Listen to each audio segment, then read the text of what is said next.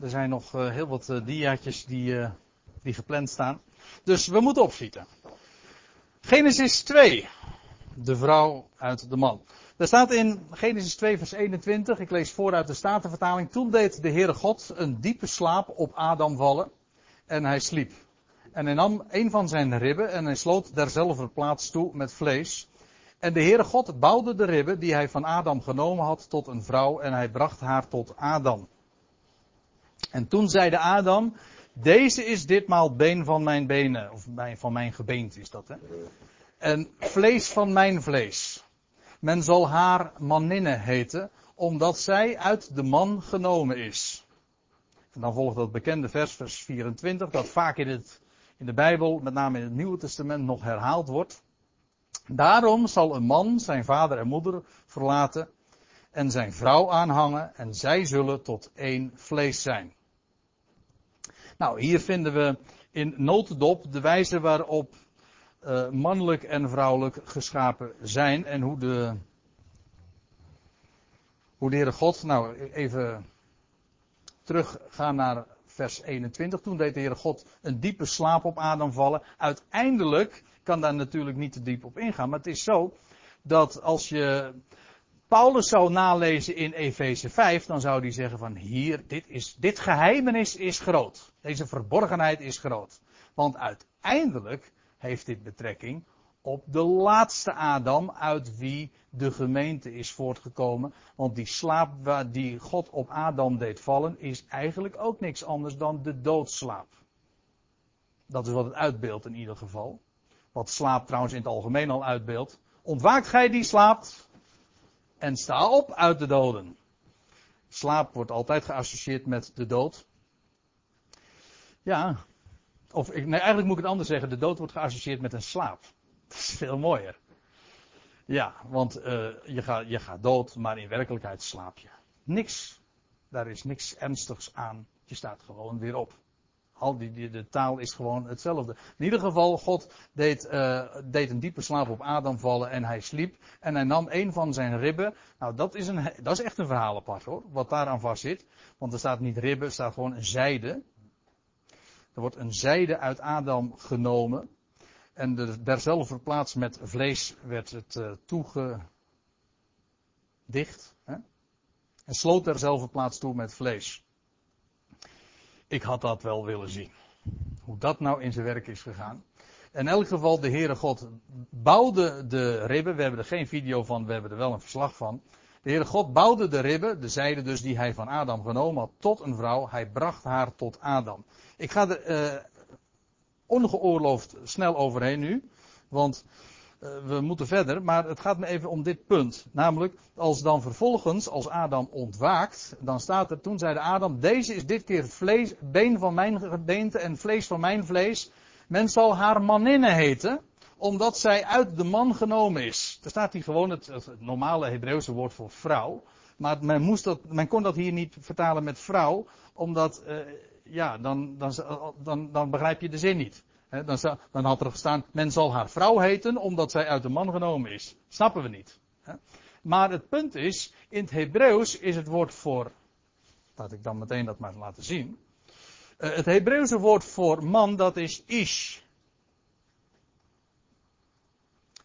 En uh, het Hebreeuwse woord voor vrouw is isha. Dat is gewoon een, die, die, H uit, die, uh, die he-uitgang, want dat zo moet ik dan zeggen in het Hebreeuws.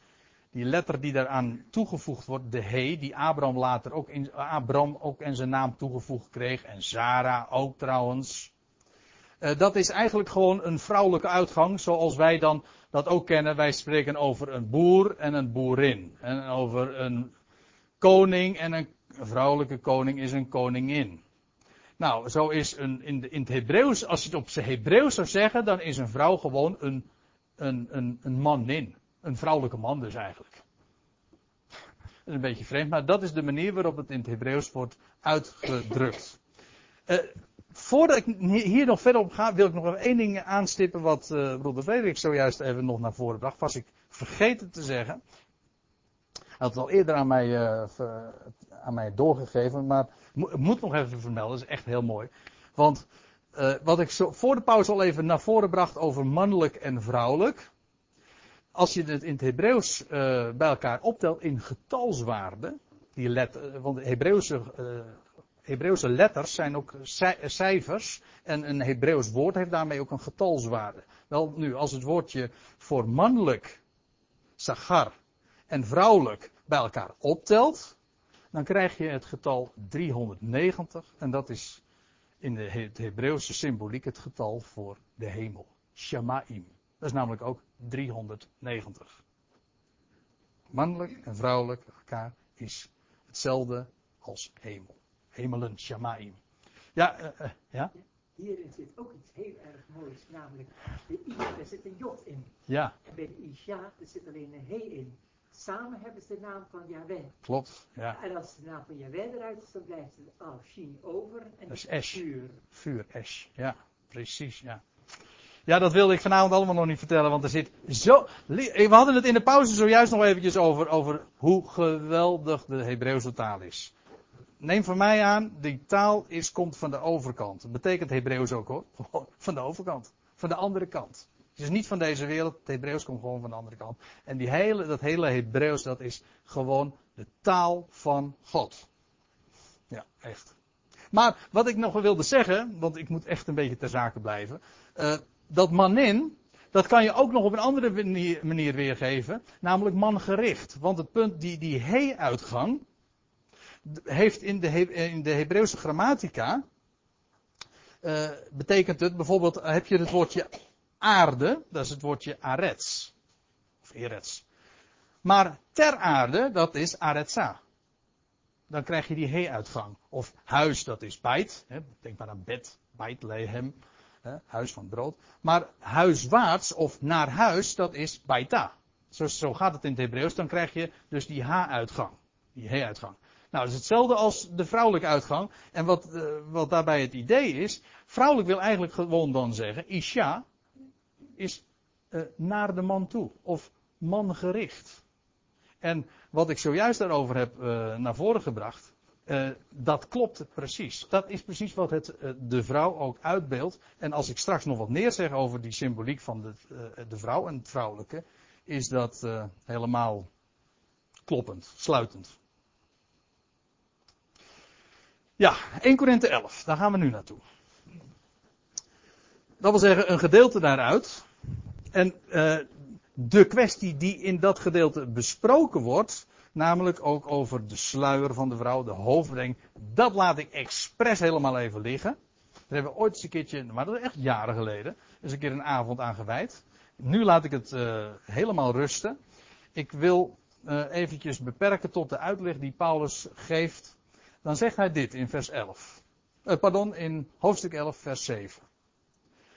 Want een man moet het hoofd niet dekken, ja, later zegt hij in dat gedeelte wat die hoofdbedekking is, die sluier. Dat is het lange haar. Goed, heb ik er toch wat over gezegd. Want een man moet het hoofd niet dekken. Hij is, letter, dat staat er niet hoor. Dat staat eigenlijk, hij heeft het beeld Gods en de heerlijkheid Gods. Er staat niet het, uh, het woordje is, want de man, de man is niet het beeld Gods. Hij draagt het. Hij is beelddrager van God het beeld Gods, dat is, ik heb het al eerder gezegd deze avond, ik kan het niet genoeg benadrukken, dat is namelijk de unieke heerlijkheid van de Heer Jezus Christus. God is de onzienlijke God, hij maakt zich zichtbaar door het woord, oftewel door zijn icoon, zijn icon, oftewel door zijn beeld. En dat is, hij is het beeld van de onzienlijke God, zegt de Bijbel. Wel nu, de man is naar dat beeld van God geschapen. De man draagt dat beeld. De man, hè, naar Gods beeld schiep hij hem. Nou, Paulus refereert aan dat vers in, in Genesis 1, want hij zegt dit. Hij, uh, een man moet het hoofd niet dekken. Hij heeft het beeld en de heerlijkheid Gods. Hij draagt dat. Het gaat dus niet zozeer om de man zelf, dat die beeld Gods is. Nee, het gaat om, om de mannelijkheid. Hij draagt dat slechts is toch zwakker. Goed, maar de vrouw is de heerlijkheid van de man. Dus de man is, draagt het beeld Gods, draagt het beeld Gods. De vrouw daarentegen is de heerlijkheid van de man. Ja, uh, dit moet je natuurlijk niet aan mevrouw Hedy Danconi vertellen. Of uh, mevrouw Dresselhuis of de hoofdredactrice van Opzij. Want die zou hier mij gewoon leven. die zou, die zou echt rechtstreeks op mij afkomen en zeggen van... Uh, ik, die zou deze, een bijeenkomst als deze gewoon wellicht willen verbieden. Want dit is natuurlijk echt vloeken. Dit mag je niet zo zeggen. Maar ik kan me heel goed verschuilen. En dat is, dat zeg ik niet. Dat staat gewoon dat zegt Paulus. Ik ben trouwens wel helemaal met hem eens. Hoor. Maar de vrouw is de heerlijkheid van, de man. Vers 8. Want de man is niet uit de vrouw, maar de vrouw uit de man. Paulus verwijst hier dus gewoon naar Genesis 1. Het gaat hier niet over de wijze waarop u en ik tot stand, uh, uh, tot stand gekomen zijn. Of dat ik niet uit de vrouw zou zijn. Want dat ben ik toevallig wel. Maar het gaat even over het eerste mensenpaar. Over de wijze waarop dat gecreëerd is. Er staat, want de man is niet uit de vrouw, maar de vrouw uit de man. De man is immers niet geschapen om de vrouw, maar de vrouw om de man. Zegt Paulus dus. Ja. want gelijk de vrouw uit de man is, zo is ook de man door de vrouw. Alles is echter uit God. Die, die laatste zin wordt trouwens vaak misbegrepen, misverstaan, als u het mij vraagt. Want die laatste, kijk, Paulus verwijst hier naar Genesis 1 en Genesis 2. Over de, de creatie van man en vrouw, over Adam en Eva. Adam en maninnen. De, er staat hier in vers 12, want gelijk de vrouw uit de man is, zo is ook de man door de vrouw. Dat wil niet zeggen dat de, uh, de man uit de vrouw is, nee, de man is door de vrouw. De man is man, Juist doordat er ook een vrouw is. Je bent pas man als er ook een tegenpool is. Het betekent, man, Adam was gewoon Adam, mens, zolang hij alleen was. Zodra hij een tegenover had, maninne, toen werd hij man. Dus hij wordt man door vrouw. Zoals er, het woord dag betekent niks als er ook niet nacht is. Goed betekent niets als er ook geen kwaad is.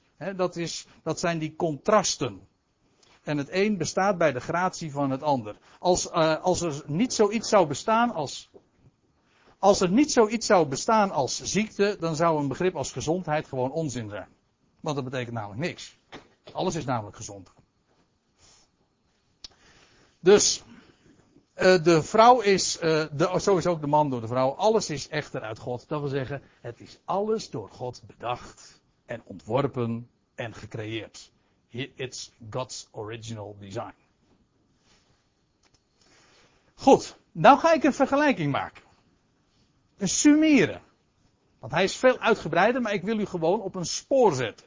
Aan de hand van wat ik nu ook laat zien vanuit, uh, vanuit de schrift. Waarbij aan de ene kant man en vrouw en hun relatie tot elkaar vergeleken wordt.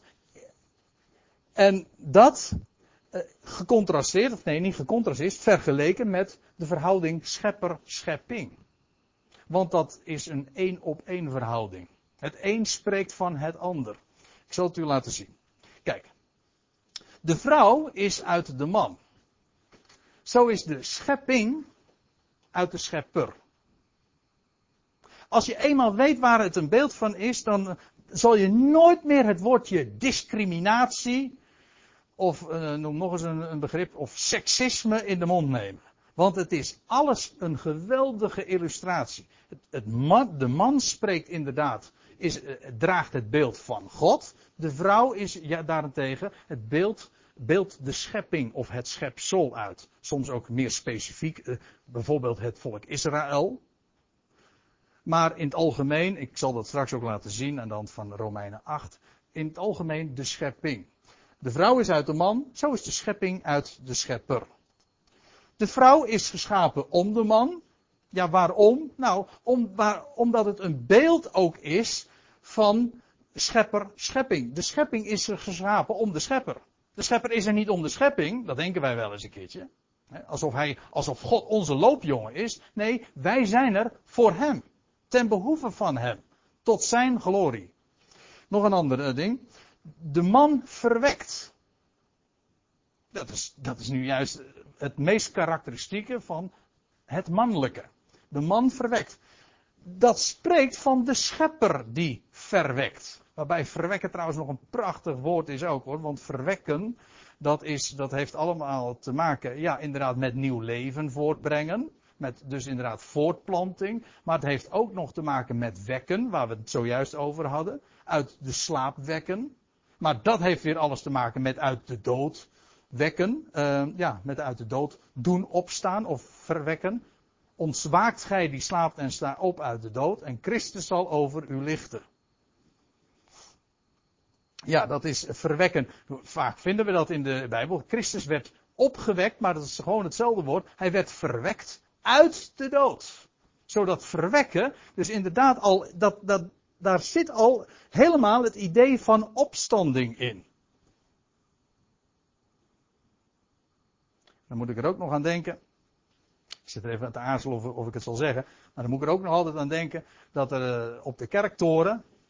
Kerktoren, ja ja. Zo'n monument, weet u wel. Daar staat er een haan. Hè? En wat roept een haan? Ja, opstaan. Dat is toch de haan. Die kondigt de nieuwe dag aan en die kondigt inderdaad. Is, de haan is van origine inderdaad een uitbeelding van opstand. Hè? En Zegt hij dat bij jullie? Oh,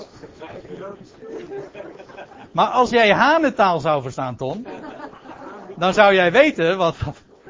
Maar de haan is van oudsher een uitbeelding van, inderdaad, ook van opstanding. En dan wil ik er ook in verband met dit onderwerp nog even op wijzen. Dat uh, wat het Engelse woord. Want als ik het in het Engels zou zeggen, zou het helemaal duidelijk zijn. Maar dat ga ik niet verder toelichten. Dat vond Wim Kok trouwens helemaal niet leuk. Die associatie. Maar... Uh, de, goed, de man verwekt, de vrouw wordt zwanger. En dat is een beeld uiteraard van de schepping die in blijde verwachting is. Want dat vindt u misschien een vreemde manier van uitdrukking. Nou, dan kan ik het ook wel bijbels zeggen. Ze is in barensnood, maar dat is eigenlijk hetzelfde. Het laatste geeft alleen aan dat het een pijnlijk proces is. Ook door dood heen gaat. Door pijn, door moeite. Zo, dat was trouwens ook wat eh, tegen de vrouw gezegd werd. Zo zult gij kinderen baren. Nieuw leven komt niet zomaar tot stand. Nieuw leven komt tot stand door de weg van lijden. Door moeite, door zelfs dood heen. Maar niettemin in blijde verwachting. En om de cirkel dan even rond te maken. De vrouw wacht op verlossing. En dat is precies wat de schepping als beeld, waar de vrouw dus een beeld van is, ook doet. De schepping wacht ook op de verlossing. Zulke termen zijn zo dubbelzinnig als het maar kan. En ik zal u eens een schriftplaats geven waar dat zo expliciet zo ook naar voren gebracht wordt. Daar staat in vers 22 van Romeinen 8. Prachtig gedeelte. Hele, dat hele gedeelte van Romeinen 8 is schitterend. Maar dan zegt Paulus, want wij weten dat tot nu toe de ganse schepping in al haar delen zucht en in barensnood is. En die barensnood neemt alleen maar toe naarmate de verlossing dus eh, nadert. Ja. En niet alleen zij, zegt Paulus er dan nog bij, maar ook wij zelf, wij die ook in zekere zin, wat ons lichaam betreft, wel degelijk nog deel uitmaken van die, van die, die schepping. En niet alleen zij, maar ook wij, wij die de geest als eerste gave ontvangen hebben, zuchten bij onszelf in de verwachting van het zoonschap, de verlossing van ons lichaam. Dat betekent niet dat we van ons lichaam af zijn dan, maar dat betekent dat ons lichaam zelf verlost zal worden. Maar verlossing is ook weer zo'n dubbelzinnige term natuurlijk. Want verlossing is gewoon wat slaat op de. Ja, waar slaat dat op? Ja, ik wou haast zeggen, in Romeinen, in Romeinen 8 wordt er dan nog gesproken over de openbaring. Let op dat woord laatst, dat laatste lettergreep, dat laatste twee lettergrepen. De openbaring van de zonen Gods. De verlossing, ja. Die is dat is wat, uh, wat verwacht wordt. En de schepping is inderdaad in blijde verwachting. Waarom? Omdat de schepper nieuw leven in haar verwekt heeft. En eigenlijk, en dat is een aspect dat natuurlijk vanavond uh, vreselijk onderbelicht is en uh, feitelijk onterecht. Maar goed, Je kan nu eenmaal niet alles. Maar feitelijk is het ook zo dat de man de vrouw bemint en vice versa. En daardoor gemeenschap hebben. En feitelijk is het een uitbeelding van liefde, van eenwording. En juist door eenwording, door liefde. Want liefde is niks anders dan de drang tot eenwording. En door die eenwording en door opstanding wordt, heeft de schepper nieuw leven in de schepping verwekt. Waardoor de, de schepping inderdaad ook zwanger is, in blijde verwachting. En je kunt dat op twee manieren opvatten. Je kunt, je kunt dan terugdenken aan de opstanding van de Heer Jezus Christus, maar je kunt ook gewoon in het algemeen denken aan het feit dat God zijn woord geeft. En als u het geloven wil, dan moet u het maar eens in 2 Petrus 1 nalezen. Daar wordt gesproken dat wij wedergeboren zijn zegt uh, Petrus dan, door niet, door vergankelijk, maar door onvergankelijk zaad, dat is het woord des Heren. Want dat is zaad. Dat is wat verwachting wekt. Dat is wat nieuw leven tot, voor, tot, uh, tot stand brengt. Dus hoe je, via welke weg je ook gaat, je komt toch daar uiteindelijk bij dezelfde essentie weer terecht. Romeinen 1, ja, daar wil ik dan ook nog beslist wat over zeggen. Want daarin gaat Paulus in op, de, ja, op het evangelie. Dat, dat is het eerste gedeelte van Romeinen 1. Op wat het evangelie nu is. Namelijk de boodschap van God die, zijn, die uh, beloofd heeft bij monden van zijn profeten en die nu vervuld heeft dat wat hij ooit heeft aangekondigd. En dan gaat hij vervolgens in, dat, in de latere gedeelte van, van Romeinen 1, gaat Paulus in op, op de, de heidenwereld, de, die God weliswaar kon kennen, maar hem miskend heeft. En, dan en nou ga ik midden in het gedeelte voorlezen. Daar staat er in vers 20. Want hetgeen van hem, God, niet gezien kan worden, zijn eeuwige kracht, zijn goddelijkheid, wordt vanaf de schepping der wereld, uit zijn werken, met het verstand doorzien. Met andere woorden, die schepping, die zegt, er is een schepper. Logisch. Als je ziet, de, als je de schepping ziet, dan kun je weten, er moet iemand zijn die dat bedacht, uitgevonden, gecreëerd heeft. De schepping verraadt, veronderstelt een schepper.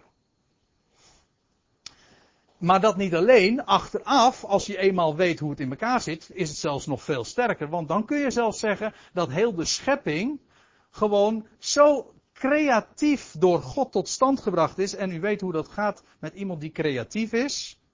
Iemand die artistiek bezig is, iemand die een creatie tot stand brengt, of dat nou een muziekstuk is, of op het doek, of een beeldhouwwerk. Maar je, die, een, een creator, iemand die echt creatief is, iemand die dat bij macht is te doen, die legt zichzelf daarin. Die geeft aan, als je dat echt goed doet, geef je aan alles een betekenis. Niets laat je aan het toeval over. Alles heeft een betekenis. Alles is uitgedacht. Alles is, ja, ontworpen. En dat is precies ook wat God ook gedaan heeft. God heeft deze schepping tot stand gebracht en niets heeft hij aan het toeval overgelaten. Er gaat ook helemaal nooit iets mis. Ja, ik zeg het zo vaak, maar ik eh, kan het niet nalaten om het ook vanavond nog eens even te zeggen. Er gaat nooit iets mis, maar dat niet alleen. Het is ook zo dat de schepper niets aan toeval heeft overgelaten en alles heeft een betekenis. En uiteraard ook de essentie, het geheim van het leven, namelijk mannelijk, vrouwelijk, de wijze waarop nieuw leven tot stand komt, dat, dat, is, dat is niets anders dan een uitdrukking van de weg die God gaat en het plan dat Hij heeft. Nou, ik lees nu vers 21 voor. Daar staat, immers hoewel zij, gaat het over de heidenwereld, hoewel zij God kenden, let op, dat hier wordt het woordje theos gebruikt, uh, ja, door Paulus gebruikt, dat is gewoon God. Maar dat is mannelijk hoor. God is mannelijk. Het is niet godin. Er staat, niet, er staat theos, geen thea. Dat is woord voor God. Uh, pardon, thea is het Griekse woord voor godin. Ja. Dus, hoewel zij God, dat is een mannelijk woord, de plaatsen, degene die alles zijn plek geeft. Hoewel ze hem kenden, hebben ze hem niet als God verheerlijkt of gedankt, maar hun overleggingen, hun redeneringen zijn op niets uitgelopen en het is donker geworden in hun onverstandig hart. Zij immers, vers 25, zij immers hadden de waarheid van God vervangen, let op dat woord, door de leugen en het schepsel vereerd en gediend boven, staat er eigenlijk niet, staat naast, naast de schepper die te prijs is tot in de Ionen, want dat is wat er letterlijk staat. Amen, zegt Paulus. En dan moeten ze opletten wat Paulus dan zegt. Vers 26. Een verband wat heel, eh, maar, maar zo zelden gezien wordt. Paulus zegt in vers 26, daarom heeft God hen overgegeven aan schandelijke lusten, want hun vrouwen, ook hier staat trouwens weer vrouwelijken, hebben de natuurlijke omgang vervangen door, het, door de tegennatuurlijke. Ziet u de connectie? Ze hadden de waarheid Gods vervangen, vers 25, door de leugen. En vervolgens, daarom heeft God hen overgegeven. De vrouwelijken hebben de natuurlijke omgang met de man vervangen door de tegennatuurlijke. Op een of andere manier, daar zit een directe link. Het ene veroorzaakt het ander. Er zit een netjes gezegd een kausaal verband tussen beide uh, beschrijvingen. Tussen beide versen. Vers 27. Eveneens hebben de mannen, eigenlijk staat er de mannelijken, de natuurlijke omgang, letterlijk staat er trouwens het natuurlijk gebruik, met de vrouw, het vrouwelijke, opgegeven en zijn in wellust voor elkander ontbrand als mannen met mannen. Nou, het staat er nog plastischer hoor. Er staat als mannelijken in mannelijken. Ja, schandelijkheid bedrijvende en dat woord daardoor, wat u in de vertaling leest, kunt u wel wegstrepen, want het staat er niet. En het welverdiende loon voor hun afdwaling in zichzelf ontvangen. Het gaat er niet om dat ze daarvoor gestraft worden. Dit is het loon. Dit is het loon van de afdwaling. Dit is namelijk de, het gevolg van het vervangen van de waarheid door de leugen. Oftewel, de, de schepper vervangen door het schepsel. Nou, het gevolg is dit. En dit is in deze verse een beschrijving van homoseks, zeg maar, homoseksualiteit. Let wel, ik heb het niet over homofilie. Daar, weet, daar, daar, lees je geen letter over in de Bijbel, over homofilie. Het gaat alleen maar over homoseks. Dat wil zeggen homoseksuele omgang van mannen met mannen of vrouwen met vrouwen. Ja, en dan moet u eens kijken. Wat, hoe, hoe, hoe die link ligt. Want er staat er, de schepper wordt vervangen. Dat is, de, dat is het idee. De schepper wordt vervangen. Dat is wat we eerst lazen. Vervolgens. Het mannelijke wordt vervangen. De vrouwen die, uh, die hebben geen man meer nodig. En die uh, zijn, hoe stond het er? Hebben het natuurlijk gebruik opgegeven en zijn in, staat dat er niet zo, in wel eens voor elkaar ontbrand. Dus de, de vrouwen hebben het, uh, dat wordt trouwens als eerste genoemd, hebben de man niet meer nodig. Dus de schepper wordt eerst vervangen, dan vervolgens wordt er gesproken over de, het mannelijke dat vervangen wordt. Ja. Uh, en het resultaat is dus verwijving, homoseks, feminisme, want u denkt dat zijn allemaal verschillende dingen. Maar als je het even helemaal tot, terugbrengt tot de kern, is dat allemaal broertje en zusje, dat is allemaal gewoon loten van één en dezelfde stam. In de essentie ervan is, het mannelijke is vervangen. Het mannelijke is, maar dat is ook niet het eigenlijke punt. Dat is alleen maar de vrucht van. Het is het, is het gevolg van. De echte essentie is, is dat de schepper is vervangen. Men ziet ook niet meer het verband tussen die dingen. Dat de schepper een uit, nee, pardon, dat de, het mannelijke een uitbeelding is of spreekt van de schepper. Die krachtig is. Want u weet, het mannelijke wordt altijd geassocieerd met wat sterk en met het mannelijke. Uh, staat in 1 Korinthe 6, wees sterk en mannelijk dat wordt altijd met in elkaar, net zo goed als dat vrouwelijk trouwens ook in verband gebracht wordt met het zwakkere. Ja, sorry dames. Dat, dat zeg ik trouwens eventjes te, Nee, ik moet het eigenlijk anders zeggen, want als het nou helemaal erom gaat, nou moet ik het even goed zeggen ook, want voordat ik uh, aan publiek ga, ga, zitten beledigen, dat de, als het er nou helemaal om gaat, de, het zwakke geslacht, dat is de man, wist u dat? Ja, de vrouw, lees het maar na in 1 Petrus 3, geloof ik dat het is. De vrouw is niet het zwakke geslacht, maar het zwakkere geslacht. Eh, er staat, mannen gaat met uw vrouwen om als brozer vaatwerk. Brozer. Dat wil zeggen, je bent zelf al broos en zij is nog broos. Dat is het idee. We zijn allemaal, we zijn allemaal zwakke aardevaten, breekbaar en zo.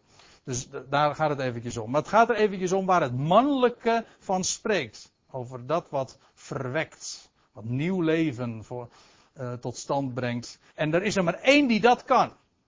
En dat is de schepper. Nieuw leven kan verwekken en die sterker is dan de dood. Daar spreekt het mannelijke van. Houd dat vast. Eigenlijk dat is de hele clue van deze avond. Dat, hele, dat hele verhaal van mannelijk verhaal spreekt allemaal over de schepper die nieuw leven verwekt. Ja, en als je dat niet inziet, dan heb je het mannelijke weggeredeneerd. In alle opzichten. En het gevolg is inderdaad een verwijving. Op, dat trouwens ook op allerlei manieren uh, zich kan veruiterlijken, zich eh, kan manifesteren. Homoseks, feminisme. Maar nogmaals, het zijn allemaal loten van dezelfde stam. Nou, dan nog een paar slotopmerkingen. Ik zie dat ik nog vijf minuten heb. En ik denk dat het eh, redelijk uh, mogelijk moet zijn om dat te kunnen zeggen. We kunnen de klok stilzetten, maar dat doen we niet. Nog een maand wachten trouwens, en dan kunnen we een uur uh, vooruit zetten. Zeg het goed? Achteruit. Ja, daar komen we nooit achter.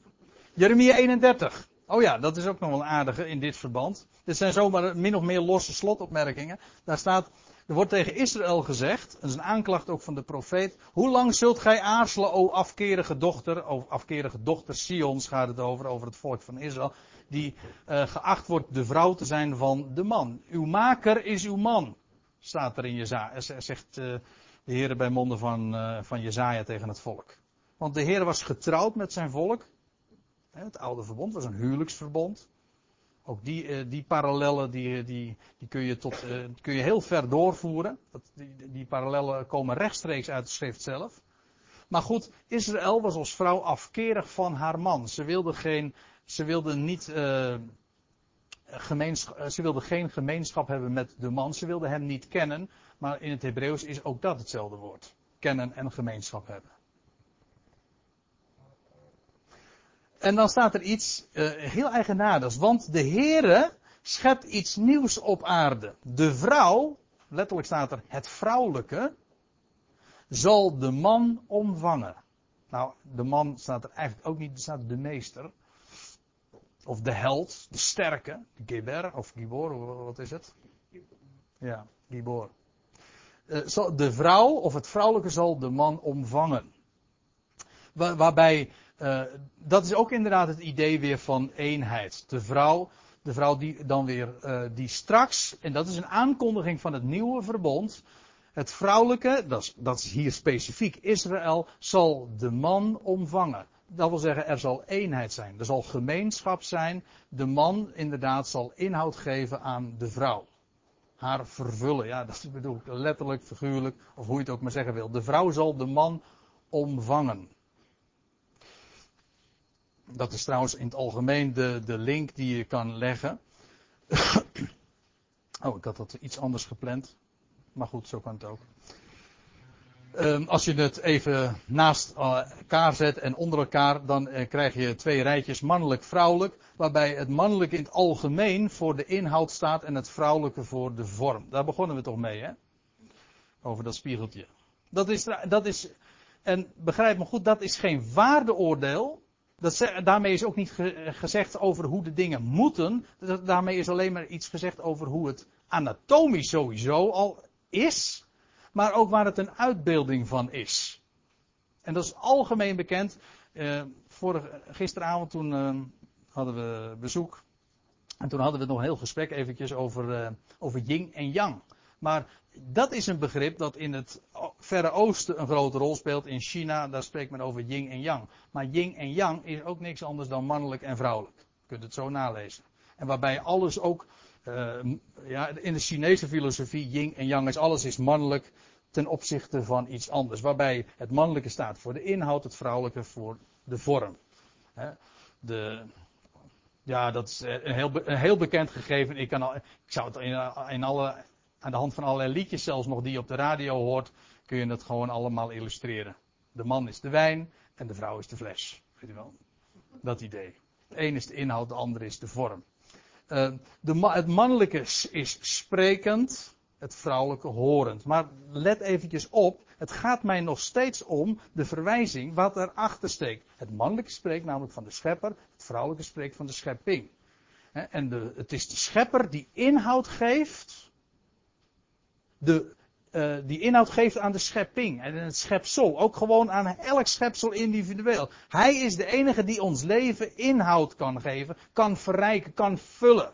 En nieuw leven in ons kan voortbrengen. Dat is in het grote geheel, maar ook gewoon als schepsel zelf. En God is degene die spreekt en wij zouden degene zijn die horen, luisteren. En als er dan in de Bijbel staat dat de vrouwen zwijgen, dan is dat een in wezen een verwijzing naar die waarheid. En oh, daar kan ze over gekissenbis worden, maar mag ze dit dan wel? Dan gaat er helemaal niet om, mensen. Men heeft al die, deze hele kwestie gereduceerd tot ethiek van wat, en casuïstiek. Hè, van mag dit nou wel en dat nou eh, en, en, en hoe zit het dan met dat, met, met die kwestie. Maar daar gaat het niet om. Het gaat om waar het een uitbeelding van is. Dat is hetzelfde als dat laatste punt. De man spreekt inderdaad van heerschappij en van gezag. Terwijl de, de, de vrouw spreekt inderdaad van onderschikking. Dat is heel logisch. Trouwens, waarbij uh, die twee, laatste twee hebben nog weer alles met elkaar te maken. Want gezag is, heeft alles te maken met zeggen. als je het voor het zeggen hebt, wil dat zeggen dat je gezag hebt. Die woorden hebben trouwens ook alles met elkaar te maken. Wel, God is inderdaad degene die, de, de schepper staat voor het gezag en de schepsel voor wat zich onderschikt aan dat gezag. In een harmonieuze verhouding, want laten we wel wezen, de schepper heeft juist zijn schepping lief en vervult haar. En ze completeren elkaar.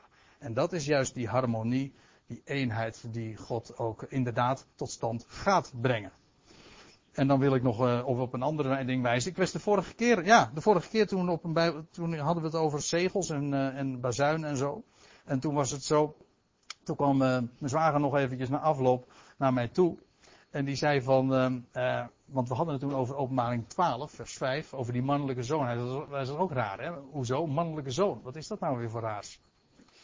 Want een zoon is toch altijd mannelijk? Nou, dat hangt er nog maar om. Want je hebt ook, want we hadden het er net al over, dat ook de mannen kunnen vervrouwelijken. En dan is de man dus wel, weliswaar man, maar eigenlijk is hij vrouwelijk geworden. Een mannelijke zoon, dat is juist een, een zoon die zich mannelijk manifesteert. Blijkt trouwens in dit gedeelte sowieso al. Dat is ook grappig. Want er staat er die al de heidenen zou hoeden met een ijzeren roede. Een scepter is dat, hè? En er staat er nog bij, het kind werd weggerukt tot God en zijn troon. Daar gaat het nu even niet om. Het gaat even om, het is een mannelijke zoon die al de heidenen zou hoeden met een ijzeren roede. Dan weet je meteen waarom het mannelijk is. Want dat is namelijk mannelijk. Hij manifesteert zich mannelijk. En u weet, uh, en misschien weet u het niet, maar het, een oud-Nederlands woord voor het mannelijk geslacht is ook gewoon een roede. Dus dat, die woorden is gewoon, uh, die zijn in wezen hetzelfde. En dan heb ik er nog één. Ja, dat is echt het laatste. Ja, dat is de laatste. Ja. Daar staat er over de, die, die roede, de scepter. Dat is gewoon de heerserstaf. En dat staat inderdaad voor heerschappij. Dat is een mannelijke activiteit. De heerserstaf is een mannelijk embleem.